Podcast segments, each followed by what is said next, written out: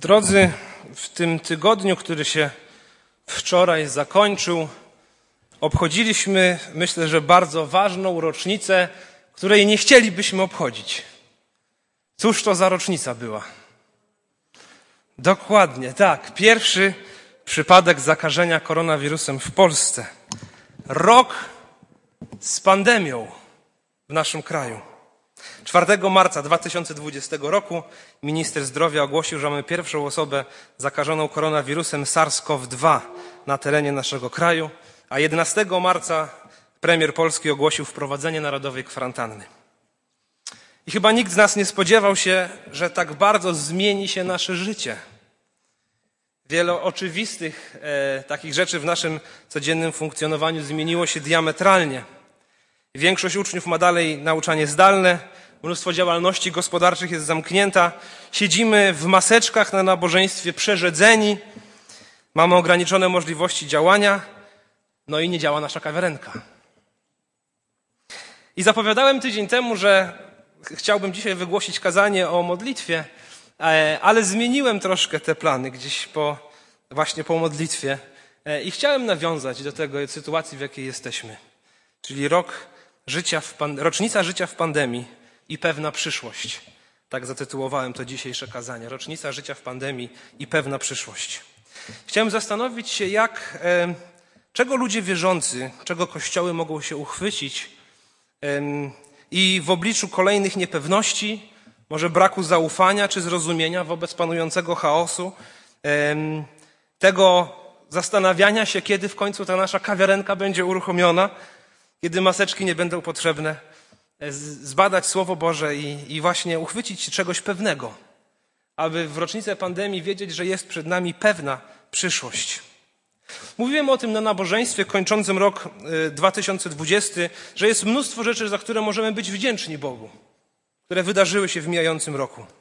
Wspomniałem e, wtedy znaczny wzrost ilości osób, które włączyły się w służbę w zborze, bo tak faktycznie się stało w minionym roku. Mówiłem o bardzo dużych zasięgach naszych transmisji, dzięki czemu każde nasze nabożeństwo dociera dosłownie do tysięcy domów w Polsce i na świecie. Mówiłem o ludziach, którzy się nawrócili przez transmisję i w ogóle w czasie pandemii Pan Bóg poruszał mocno i wierzę, że porusza dalej serca ludzi. Mówiłem o dzieciach, które się urodziły albo które mają się urodzić w naszym zborze. Do tego dochodzą nowi członkowie zboru. Wyobraźcie sobie, że na pierwsze spotkanie kursu członkowskiego e, w zeszłym tygodniu przyszło około 15 osób. Więc ja nie pamiętam, kiedy tak dużo e, ludzi chciało się dołączyć do naszego zboru i być jego częścią. W zasadzie każda z osób, jakie, z jakimi rozmawiałem, z wieloma z Was i pytałem o to, czy Wasza wiara i życie duchowe wzrosło, czy się skurczyło w czasie pandemii, w zasadzie wszyscy mówiliśmy, że, że wzrosło, że się rozwinęło. I w całościowej perspektywie, jakkolwiek jest to trudna sytuacja, irytująca, wydaje nam się, że hamująca, dla niektórych na pewno niebezpieczna i niepewna, to w żaden sposób nie mogę powiedzieć, że ona wymknęła się Bogu spoza, spod kontroli, albo że Bóg w tym nie jest uwielbiony, albo że nie realizuje swojego dzieła. Tak nie jest. Raczej w tym wszystkim, chociaż e, jest czasami trudno, dostrzegam objawy Jego łaski, Jego mocy i Jego działania każdego dnia. I chociaż naprawdę wielu z nas, chyba wszyscy, moglibyśmy powiedzieć, że jesteśmy zmęczeni e, tym ostatnim rokiem, tą pandemią, skonsternowani różnymi obostrzeniami czy dochodzącymi informacjami, to jednak są rzeczy, które są pewne i niezmienne, niezależnie od tego, czy jesteśmy w pandemii, czy, e, czy bez niej. Rzeczy, których warto się uchwycić na kolejny rok, czy to w pandemii, czy bez pandemii. Rzeczy, których nigdzie indziej nie znajdziemy, jak tylko w Jezusie Chrystusie.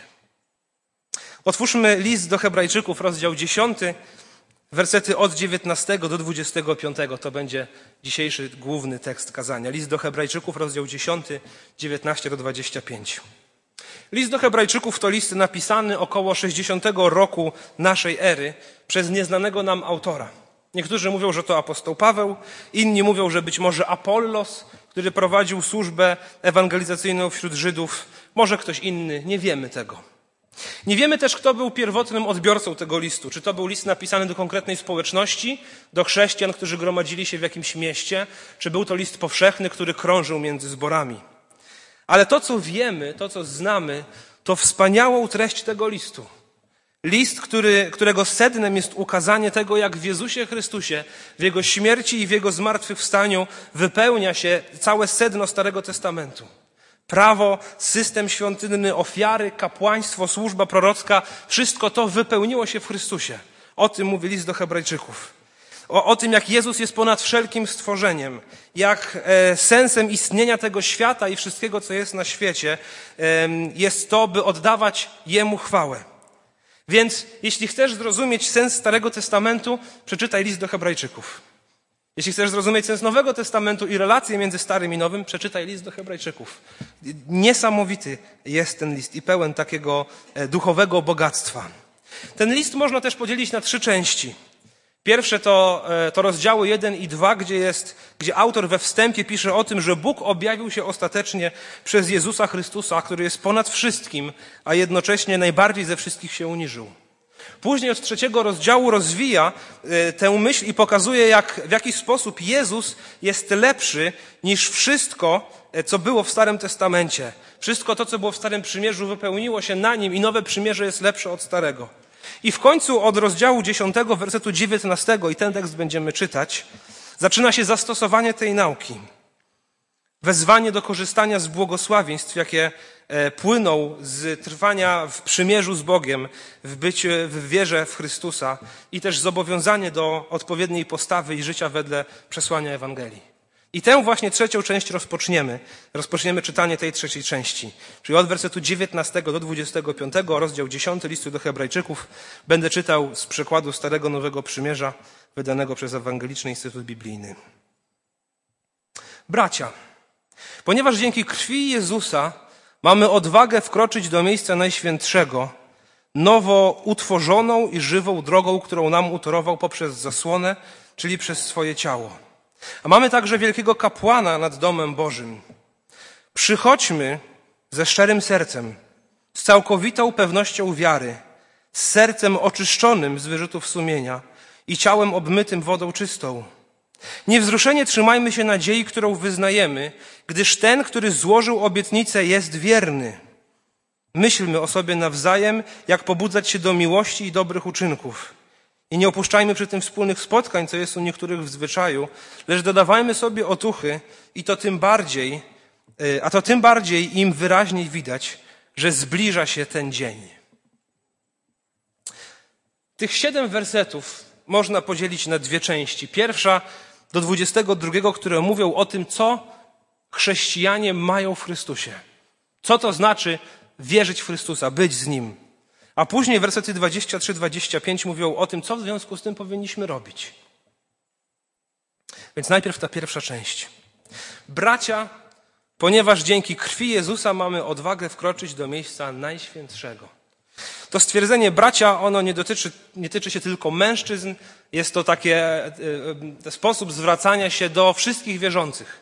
Więc w, braciach e, znajdują się również siostry, wedle tego słowa. Bracia, mamy, ponieważ dzięki krwi Jezusa mamy odwagę wkroczyć do miejsca najświętszego. To miejsce najświętsze, o którym mówi autor, to miejsce, w którym przebywa Bóg, w którym nie ma żadnego grzechu, w którym jest e, Bóg obecny.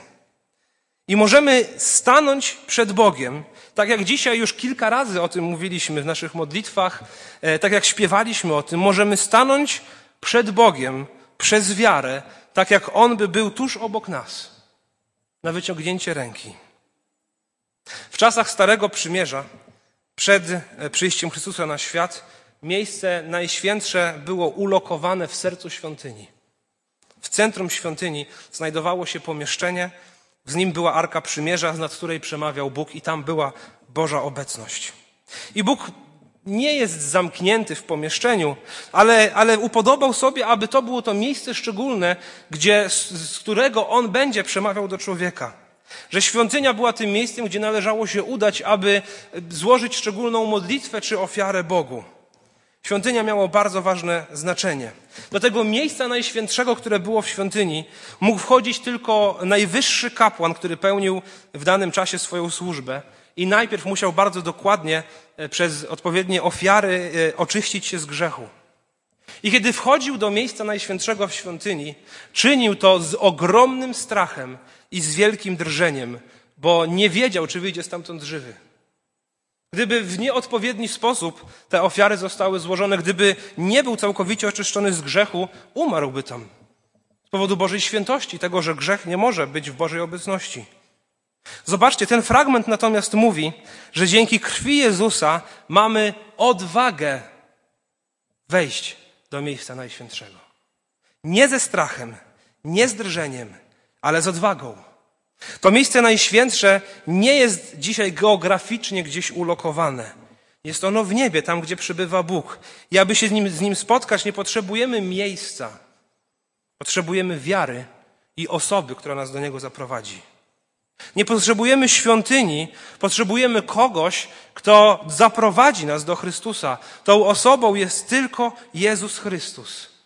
To Jego krew, dzięki krwi Jezusa, e, mamy odwagę tam wkroczyć. To Jego krew oczyszcza nas z grzechu, dzięki czemu możemy stanąć wobec Bożej świętości i wchodzić tam nie z drżeniem, a z odwagą. Werset dwudziesty. Wchodzimy tam nowo utworzoną i żywą drogą, którą nam utorował poprzez zasłonę, czyli przez swoje ciało. Niegdyś w świątyni miejsce najświętsze było oddzielone od reszty świata bardzo grubą na kilka centymetrów kotarą czy zasłoną. Nie było możliwości, aby człowiek mógł ją rozerwać. Ale gdy Jezus wydał swój ostatni oddech na krzyżu, gdy jego serce się zatrzymało, to ewangeliści piszą nam o tym, że to ta zasłona czy kurtyna oddzielające miejsce najświętsze, Bożą chwałę od reszty świata, co się wydarzyło? Została rozerwana. Wisiała ona na specjalnie zrobionych haczykach. Gdyby chciał ją rozerwać człowiek, nie mógłby tego zrobić o własnych siłach, dlatego że była zrobiona z wielkiej ilości materiałów. Mógłby ją ewentualnie przeciąć i to też tylko od dołu, bo nie dało się tam wspiąć. Ale zasłona nie została przecięta, została rozerwana. I to nie z dołu do góry, ale z góry do dołu. Kiedy Jezus Chrystus umarł na krzyżu, Zapłacona została kara za nasze grzechy. Bóg rozerwał tę zasłonę, która oddzielała go od nas. I Jezus stał się nową, żywą drogą do Boga, jak czytamy w tym wersecie. Jego ciało rozpięte na krzyżu, jak zasłona na haczykach, w pewien symboliczny, duchowy sposób zostało tam rozerwane, tak jak zasłona w świątyni, abyśmy mogli mieć dostęp do Boga, do miejsca najświętszego, wszędzie, gdzie jesteśmy, przez wiarę. Nie w jakimś miejscu, ale przez osobę. Zatem przez Jezusa mamy dostęp do Boga. Mamy dostęp, bo On obmywa nas z naszych grzechów, więc jesteśmy uświęceni przez Niego. I przez swoją śmierć On otworzył nam drogę do Boga. Do szczególnego też świętowania tego przygotowujemy się. Za kilka tygodni będziemy obchodzić Wielkanoc. To właśnie to święto, które mówi o tym, że Bóg rozerwał zasłonę i nie jest dzisiaj zamknięty w żadnym pomieszczeniu, ale każdy, kto w niego uwierzy, może wejść do miejsca najświętszego, czyli przez wiarę stanąć przed nim. Werset 21 mówi, że mamy też w Chrystusie wielkiego kapłana nad domem Bożym. Więc nie jest on tylko ofiarą, ale jest też tym, który tę ofiarę składa i przyprowadza człowieka do Boga. Tak jak kapłani w świątyni składali ofiary i przyprowadzali w duchowy sposób człowieka przed, przed Boga. To było zadanie kapłanów. Jezus jest i naszą ofiarą, i naszym kapłanem. I skoro mamy zatem stały dostęp do Boga, mamy, On ma nieskończoną władzę nad Kościołem, nad domem Bożym, jest kapłanem. W związku z tym, werset 22, przychodźmy ze szczerym sercem, z całkowitą pewnością wiary, z sercem oczyszczonym z wyrzutów sumienia i ciałem obmytym wodą czystą. Skoro mamy to w Chrystusie, to autor wzywa nas, to przychodźmy. To przychodźmy do Boga ze szczerym sercem, z tym, co w nim e, nosimy, niczego nie ukrywając, z całkowitą pewnością wiary. Drodzy, czy rozumiemy wagę tych słów? Pewność wiary, kiedy przychodzimy do Boga.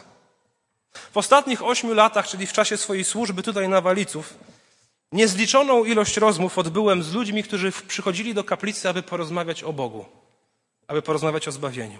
Nie wiem ile, bardzo dużo. W zasadzie w każdym tygodniu takie rozmowy się zdarzają. W zasadzie zawsze z tymi osobami siadam tutaj z przodu. Ja siadam tutaj sobie na murku, ktoś na krześle i rozmawiamy. I zawsze w tej rozmowie zmierzam do jednego pytania. Czy jesteś, czy jest Pan, Pani zbawiona? Czy masz pewność swojego zbawienia? Takim pytaniem, które lubię, to co powiesz Bogu, aby cię wpuścił do nieba, kiedy przed nim staniesz? I dziewięć na dziesięć osób, tak myślę, że statystycznie to mogłoby wyglądać, odpowiada, że przecież nie da się być pewnym zbawienia. Że my tutaj na ziemi robimy co możemy, chcemy żyć jak najlepiej i zobaczymy, jaki Pan Bóg wyda osąd. I też zawsze ludzie są zaskoczeni, gdy mówię im, że można być pewnym swojego zbawienia. Że można być pewnym, z całkowitą pewnością wiary można przychodzić do Boga. Nie dlatego, że ja coś zrobiłem, nie z powodu tego, jaki ja jestem, nie z powodu tego, co ja mogę, ale z powodu tego, kim jest Jezus, co On zrobił i co On może. Dlatego, że On umarł za moje grzechy. I Bóg nie patrzy na moje uczynki, ale patrzy na życie i posłuszeństwo Jezusa, które przez wiarę przypisywane jest grzesznikowi.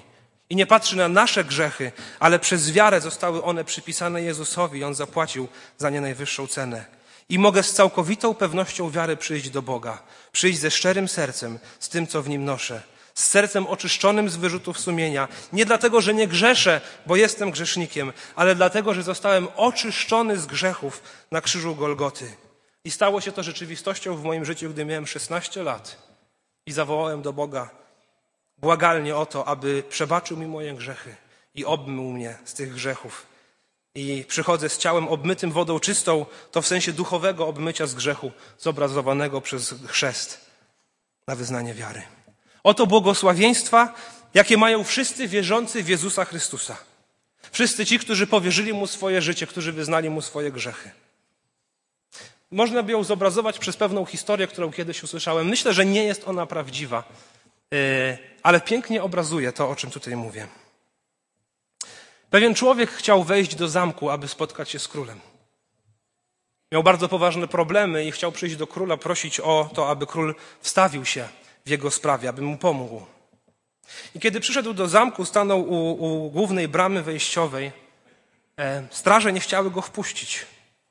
Nie był wpisany na listę odwiedzających, nie był odpowiednio ubrany, nie miał statusu ważnej osoby, która może od tak sobie stanąć przed królem nie był wcześniej zapowiadany, że ma przyjść na jakąś audiencję, więc nikt go nie wpuścił. I zafrapowany odszedł z tej bramy wejściowej przy zamku, załamany chodził wzdłuż ogrodzenia tej posesji, na której znajdował się zamek, wysokiego płotu z grubych krat. I gdy tak chodził, ze łzami w oczach, po drugiej stronie ogrodzenia, na terenie zamku, zobaczył chłopca. Ten chłopiec przyszedł do niego i zapytał, co się stało, dlaczego pan płacze, co się wydarzyło. I mężczyzna powiedział, że przyszedł zobaczyć się z królem, dlatego że ma do niego bardzo ważną prośbę, z której zależy jego życie, ale nie chcą go wpuścić do zamku, bo mówiąc w cudzysłowie jest nikim. Nic nie znaczy, nie jest odpowiednio przygotowany, nie jest odpowiednio ubrany, a tylko król może mu pomóc.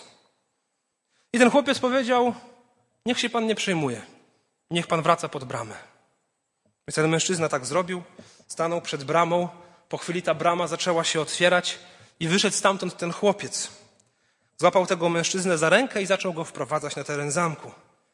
I kiedy strażnicy pytająco na niego patrzyli, ten chłopiec mówi: Ten pan przyszedł do mojego taty, do króla. I ja go chętnie tam zaprowadzę, bo on ma ważną sprawę. I wobec syna królewskiego ci strażnicy nie mieli nic do powiedzenia. I tak samo jest z nami. Jeśli chcemy stanąć przed Bogiem, to nie staniemy tam z powodu tego, kim jesteśmy. Nie staniemy tam dlatego, że się odpowiednio przygotujemy.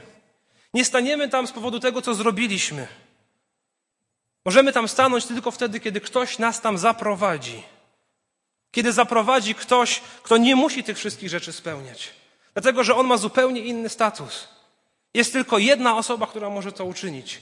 Jest to Jezus Chrystus, Syn Boży który, jak czytamy tutaj, jest ofiarą, przez którą zostajemy oczyszczeni, jest kapłanem, który wprowadza nas przed Boży tron. Nie potrzebujemy świątyni, nie potrzebujemy prawa, nie potrzebujemy sakramentów, nie potrzebujemy wstawiennictwa innych ludzi, nie potrzebujemy swoich zasług. To wszystko zda się na nic. Potrzebujemy osoby Jezusa Chrystusa. To On jest tym, który wprowadza nas przed Boży majestat. Czemu wierzysz? Zobaczcie wszystko to, o czym mówią te cztery wersety, 19 do 22. Wszystko to, co jest rzeczywistością ludzi wierzących, którzy uwierzyli dobrej nowinie o Jezusie Chrystusie i oddali Mu swoje życie. Wszystko to jest przeciwnością tego, co mamy tutaj na ziemi w czasie pandemii. W pandemii w ostatnim roku mieliśmy bardzo dużo strachu. W Jezusie mamy odwagę. W pandemii mamy mnóstwo niewiadomych. W Jezusie mamy pewność co do najważniejszych kwestii w naszym życiu. W pandemii wiele zależy od nas. Tego, jak o siebie zadbamy, tego, jak się troszczymy o, o higienę, o maseczki, z kim się spotykamy, z kim się nie spotykamy, jak się izolujemy, a i tak nawet ci, którzy są najbardziej restrykcyjni, chorują. W Jezusie natomiast mamy świadomość, że On wykonał wszystko, co należało zrobić, aby zapewnić nam bezpieczeństwo. I to nie od jakiegoś wirusa, ale od wiecznego potępienia, od gniewu Bożego i od sądu Bożego, od zakusów diabelskich i jego szponów. W pandemii mamy różnych rządzących. Czasami wzbudzają nas poczucie bezpieczeństwa, czasami odwrotnie. Czasami wydaje nam się, że podejmują mądre decyzje, czasami absurdalne, ale w Jezusie mamy Pana i Boga, mamy kapłana nad domem Bożym, który stał się człowiekiem i jak On sam o sobie mówi, wszystko jest mi poddane. Otrzymałem wszelką władzę na niebie i na ziemi. I On troszczy się o nas i zawsze robi to mądrze i w najlepszy sposób dla naszego dobra. Drodzy, rok pandemii za nami.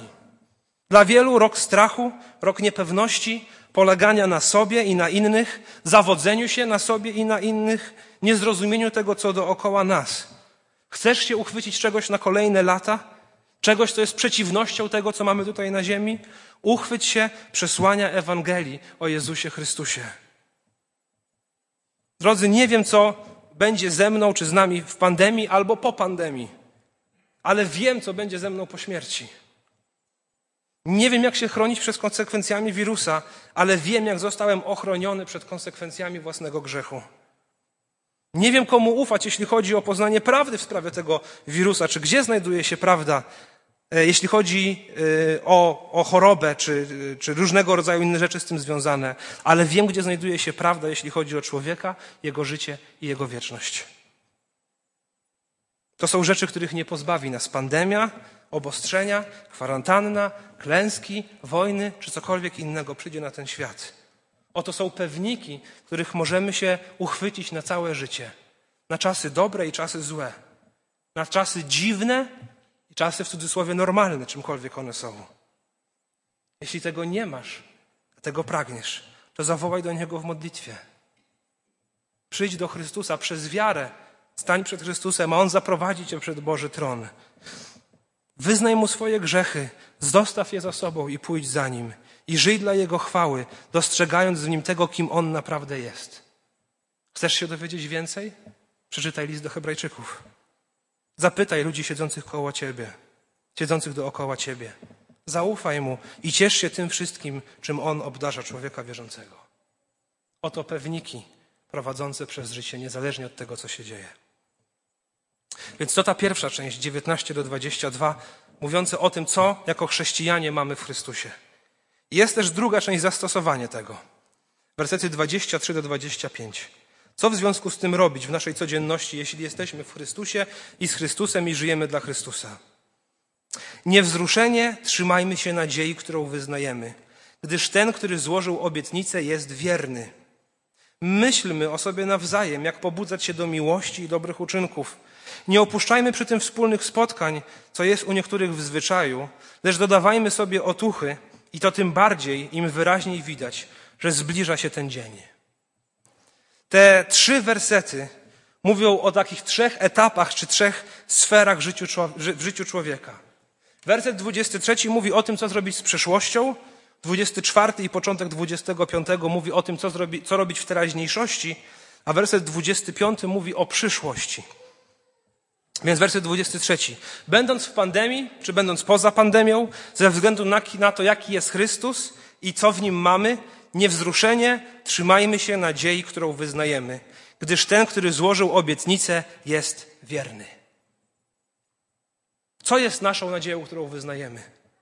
To, że On jest wierny i złożył obietnicę. Ostatnie zdanie, które Jezus wypowiedział, odchodząc z tego świata do uczniów, to powiedział: Oto ja jestem z wami przez wszystkie dni, aż po kres tego wieku. Oto Jego obietnica. Oto ja jestem z wami przez wszystkie dni. W pandemii również? Również. Bez pandemii również? Również wszystkie dni. Oto ja jestem z wami. Uchwyć się tej obietnicy, że On jest z Tobą. Szukaj dowodów na to w swojej codzienności, dopóki trwa ten wiek, czyli do momentu Jego przyjścia. Dopóki Jezus nie powróci w chwale, trzymaj się tego, że On jest z Tobą. Może czasami tego nie widzisz, może czasami tego nie dostrzegasz, ale On złożył obietnicę. I jak mówi ten werset, niewzruszenie, trzymajmy się nadziei, którą wyznajemy. Ten, który złożył obietnicę, jest wierny. Więc spójrz w przeszłość i poznaj obietnice Boże złożone nam w przeszłości, które są aktywne w teraźniejszości. Jezus powiedział również w Ewangelii Jana 10, 27 do 30. Moje owce słuchają mojego głosu. Ja je znam, a one idą za mną. Ja też daję im życie wieczne. Nie zginą one na wieki i nikt nie wyrwie ich z mojej ręki.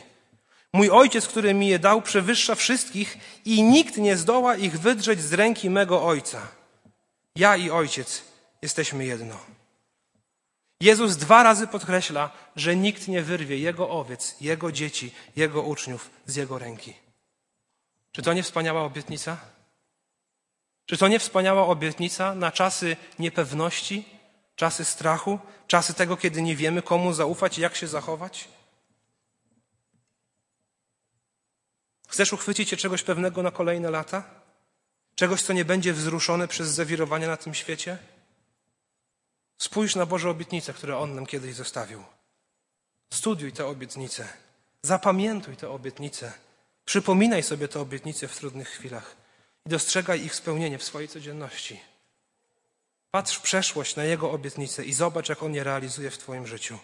Niewzruszenie trzymajmy się nadziei, którą wyznajemy, gdyż ten, który złożył obietnicę, jest wierny. On nie obiecał nam nigdzie, że życie będzie łatwe. On nie obiecał, że wszystko będziemy rozumieć z tego, co dzieje się dookoła nas. On nie obiecał nam wygód, wręcz przeciwnie, obiecał zupełnie odwrotne rzeczy. Niech nas nie dziwi to, co dzieje się dookoła ale w tym wszystkim obiecał, że On jest wierny i że w Nim jesteśmy bezpieczni i nikt nas nie wyrwie z Jego ręki. Po drugie, co robić w teraźniejszości, w czasie pandemii i poza nią? Werset 24. Myślmy o sobie nawzajem, jak pobudzać się do miłości i dobrych uczynków. Nie opuszczajmy przy tym wspólnych spotkań, co jest u niektórych w zwyczaju, lecz dodawajmy sobie otuchy. Czego potrzebujemy na trudne czasy, na czasy dziwne i czasy normalne, znowu w cudzysłowie te normalne, czymkolwiek one są? Potrzebujemy siebie nawzajem, jako Kościół. Jako Kościół jesteśmy jednym ciałem po to, aby nawzajem się o siebie troszczyć, pobudzać siebie do miłości, dodawać sobie otuchy.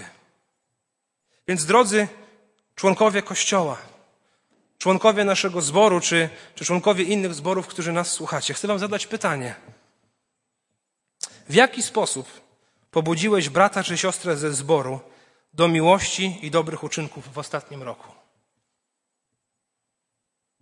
W jaki sposób pobudziłeś brata czy siostrę ze zboru do miłości i dobrych uczynków w czasie pandemii? I czy jest ktoś, kto Ciebie pobudził do miłości i dobrych uczynków?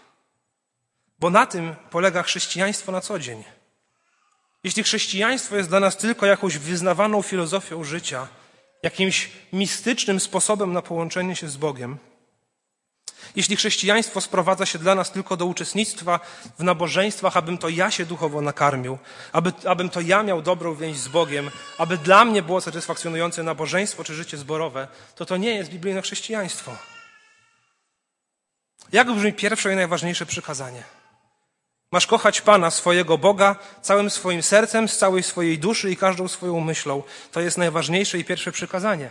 Drugie zaś temu podobne, masz kochać swojego bliźniego tak jak siebie samego. Jedno nie będzie istnieć bez drugiego. Nie możemy mówić, że kochamy Boga i jednocześnie odłączyć się od zboru. Nie uczestniczyć w życiu z innych ludzi wierzących. To jest niemożliwe. Pamiętacie, co mówi Jan w pierwszym liście Jana 4,20? Bo kto nie kocha brata, którego widzi, nie może kochać Boga, którego nigdy nie zobaczył. Chrześcijaństwo unaacnia się we wspólnocie. Stąd ten nakaz, który tutaj znajdujemy, nie opuszczajmy przy tym wspólnych spotkań, co jest u niektórych w zwyczaju, lecz dodawajmy sobie otuchy. Często przytacza się ten werset jako argument przemawiający za tym, by chodzić na nabożeństwa. I to prawda, ale kontekst pokazuje, że chodzi o coś więcej niż tylko nabożeństwa. Chodzi o spotkania chrześcijan, na których dodajemy sobie otuchy i pobudzamy siebie do wzajemnej miłości i dobrych uczynków. Możesz brać udział w nabożeństwach, a wcale tego nie robić. Drodzy, jak to wygląda u Was? Szczególnie w czasach pandemii, o czym mówił dzisiaj pastor Marek na początku przed modlitwą. Potrzebujemy dodawania sobie nawzajem otuchy, miłości i dobrych uczynków. Jestem szczęśliwy, kiedy na przykład na grupie naszej czwartkowej młodych dorosłych, w tym młodszym pokoleniu zawsze po, po rozważaniu Słowa Bożego mamy czas na modlitwę. I zawsze dzielimy się tym, kiedy ktoś potrzebuje modlitwy. I zawsze modlimy się o siebie nawzajem. Dodajemy sobie otuchy. Jesteśmy dla siebie wsparciem. I często ludzie mówią po jakimś czasie, wiecie co? Modliliśmy się o to i o to. I Pan Bóg zdarzył to i tamto. To jest bardzo cenne i bardzo dobre. Więc chcę się zwrócić szczególnie do tych, którzy nas oglądają online. Transmisje są wielkim błogosławieństwem. Ilość ludzi zaangażowanych w prowadzenie transmisji wkłada w to ogromne siły, swoje talenty, swój wolny czas i robią to tylko po to, aby was ubłogosławić. Nic więcej z tego nie mają. Ale transmisje mają być dla nas narzędziem do, do mądrego wykorzystywania. Transmisje są wielkim błogosławieństwem dla osób chorych, które nie mogą być z innymi wierzącymi, które nie mogą wychodzić z domu. Są wielkim błogosławieństwem dla tych, którzy wyjechali na jakiś czas za granicę, mogą pozostawać w stałym kontakcie ze zborem. Mamy grupy biblijne online czy szkółkę online, aby móc się spotykać, jeśli ktoś czuje się e, zagrożony. To wielkie błogosławieństwo, ale też transmisje mogą stać się bardzo rozleniwiające. I z żalem trzeba powiedzieć, że mamy ludzi w naszym zborze, którzy od roku nie byli tutaj w kaplicy i na żadnej innej grupie biblijnej. Nie dlatego, że są zagrożeni w jakiś sposób, nie dlatego, że gdzieś wyjechali, ale dlatego, że nie mają czasu albo czują się zmęczeni i chcą lepiej odpocząć. Drodzy, wykorzystujmy mądrze to narzędzie. I gdy pytam często ludzi, gdzie są, kiedy ich tutaj nie ma, mówią, no oglądamy online. Ale to jest tylko narzędzie. To jest chwilowy substytut, który nie zastąpi nam prawdziwego Kościoła. Jezus Chrystus powołał nam do, nas do wspólnoty. Jeśli nie trwamy, nie możemy mówić, że kochamy Jego i jednocześnie nie być aktywną częścią Kościoła. W minionym roku Pan Bóg użył transmisji, e, aby dla wielu ludzi otworzyć frontowe drzwi do kaplicy. Wiele osób tutaj przyszło, których patrzę teraz w Wasze oczy i widzę Was, że jesteście tutaj poprzez tę transmisję. Ale wierzę że też, że dla wielu ludzi transmisje stały się tylnymi drzwiami z kaplicy, przez które oni wyszli. Dzisiaj bardziej niż w ostatnich latach potrzebujemy wspólnoty. Nie da się jej zastąpić online. Komentarz, pozostawienie tak zwanego lajka czy serduszka pod transmisją nie jest wspólnotą. Chcę Was zachęcić, drodzy, którzy nas oglądacie, może nie jesteście związani z naszym zborem. Niech nabożeństwo internetowe z waliców nie będzie dla Was substytutem wspólnoty i społeczności. Cieszymy się, że możemy Was ubłogosławić, ale miejcie swój zbór, który troszczy się o Was i o który Wy się troszczycie. I to nie jest wezwanie do tego, byśmy łamali obostrzenia, gromadzili się grupowo i tak dalej, i tak dalej. To jest wezwanie do tego, byśmy okazywali sobie otuchę, pobudzali do miłości i dobrych uczynków. A bardzo tego potrzebujemy w minionym roku, kiedy byliśmy zamknięci w naszych domach. I ostatni punkt. Patrzenie w przyszłość. Nie opuszczajmy wspólnych spotkań, co jest u niektórych w zwyczaju, lecz dodawajmy sobie otuchy. I to tym bardziej, im wyraźniej widać, że zbliża się ten dzień. Zbliża się ten dzień. Ten dzień odnosi się do dnia powrotu Chrystusa na ziemię, Jego drugiego przyjścia i końca tego świata. Drodzy, prawdziwą tęsknotą chrześcijanina niech nie jest to, by skończyła się pandemia. Najgłębszą tęsknotą chrześcijanina niech będzie to, by wrócił Chrystus. I obawiam się, badając swoje priorytety, że często dużo bardziej czekam na czasy, gdy nie będzie trzeba nosić maseczki, niż na to, że wróci mój Pan. Że czekam na otwarcie kawiarenki, niż spotkanie się na uczcie niebiańskiej z Chrystusem. I tak długo, jak długo czekamy na poprawienie naszego ziemskiego życia, tak długo zawsze będziemy rozczarowani. Zawsze znajdzie się coś, na co będziemy narzekać, bo to nie spełnia naszych oczekiwań. Ale jeśli naszym największym oczekiwaniem będzie oczekiwanie na ten dzień, na Jego powrót, na bycie z Chrystusem, drodzy, nigdy się nie zawiedziemy. Choćby świat był w pandemii czy bez pandemii, w jakichkolwiek innych sytuacjach, czekajmy na Niego, nie na to, co ziemskie, ale na to, co niebiańskie. Niech to naprawdę nas napędza, niech to nas wzbudza, to przyjemne uczucie oczekiwania, że już niedługo, że już blisko, że jeszcze trochę. Czekajmy przede wszystkim na powrót naszego Pana. I już kończąc, jesteśmy w okresie przed Wielkanocą. Za trzy tygodnie będzie niedziela palmowa i rozpoczęcie Wielkiego Tygodnia. Czy to nie jest dobry czas, aby zweryfikować ten miniony rok? Aby zastanowić się nad swoim życiem, duchowym i nie tylko, w czasach pandemii. Czy to nie jest dobry rok, aby zweryfikować swoje oczekiwania wobec tego, wobec przyszłości? Rok życia w pandemii i pewna przyszłość tylko w Chrystusie, niezależnie od tego, co dzieje się na świecie. Po pierwsze, uchwyć się w niepewnych czasach tego, co jest pewne Ewangelii o Jezusie Chrystusie. Uchwyćmy się tego, dla którego i przez którego świat został stworzony. Tam mamy pewniki, których ten świat nigdy nam nie da. Po drugie, w czasie pandemii patrzmy w przeszłość i trzymajmy się Bożych obietnic. Obserwujmy, jak one stają się rzeczywistością w naszym życiu, a w chwilach trudnych tym bardziej je sobie przypominajmy. Po, drugie, te, po trzecie, w teraźniejszości zadbajmy o to, aby pobudzać innych do miłości, dobrych oczynków i dodawać sobie nawzajem otuchy. Jeśli jesteś tym, który tego potrzebuje, również zadbaj o to, aby to otrzymywać, a otrzymasz to we wspólnocie ludzi wierzących. I patrzmy w przyszłość, czekając ostatecznie nie na powrót do tak zwanej normalności, ale patrzmy w przyszłość, czekając na powrót naszego Pana. Tam dopiero będzie normalność. Tam dopiero będzie normalność. Zobaczcie, ten fragment mówi o trzech rzeczach, których stale powinien trzymać się chrześcijanin. Werset 21, e, werset 21, 22, 23 mówią o wierze. Mamy pewność wiary. Werset 23, niewzruszenie trzymajmy się nadziei. Werset 24, pobudzajmy siebie nawzajem do miłości. Wiara, nadzieja i miłość. Tego się trzymajmy. Niech to nas napędza na każdy kolejny dzień. Niech one nas trwają a my w nich, w pandemii czy cokolwiek, co po niej przyjdzie. Amen.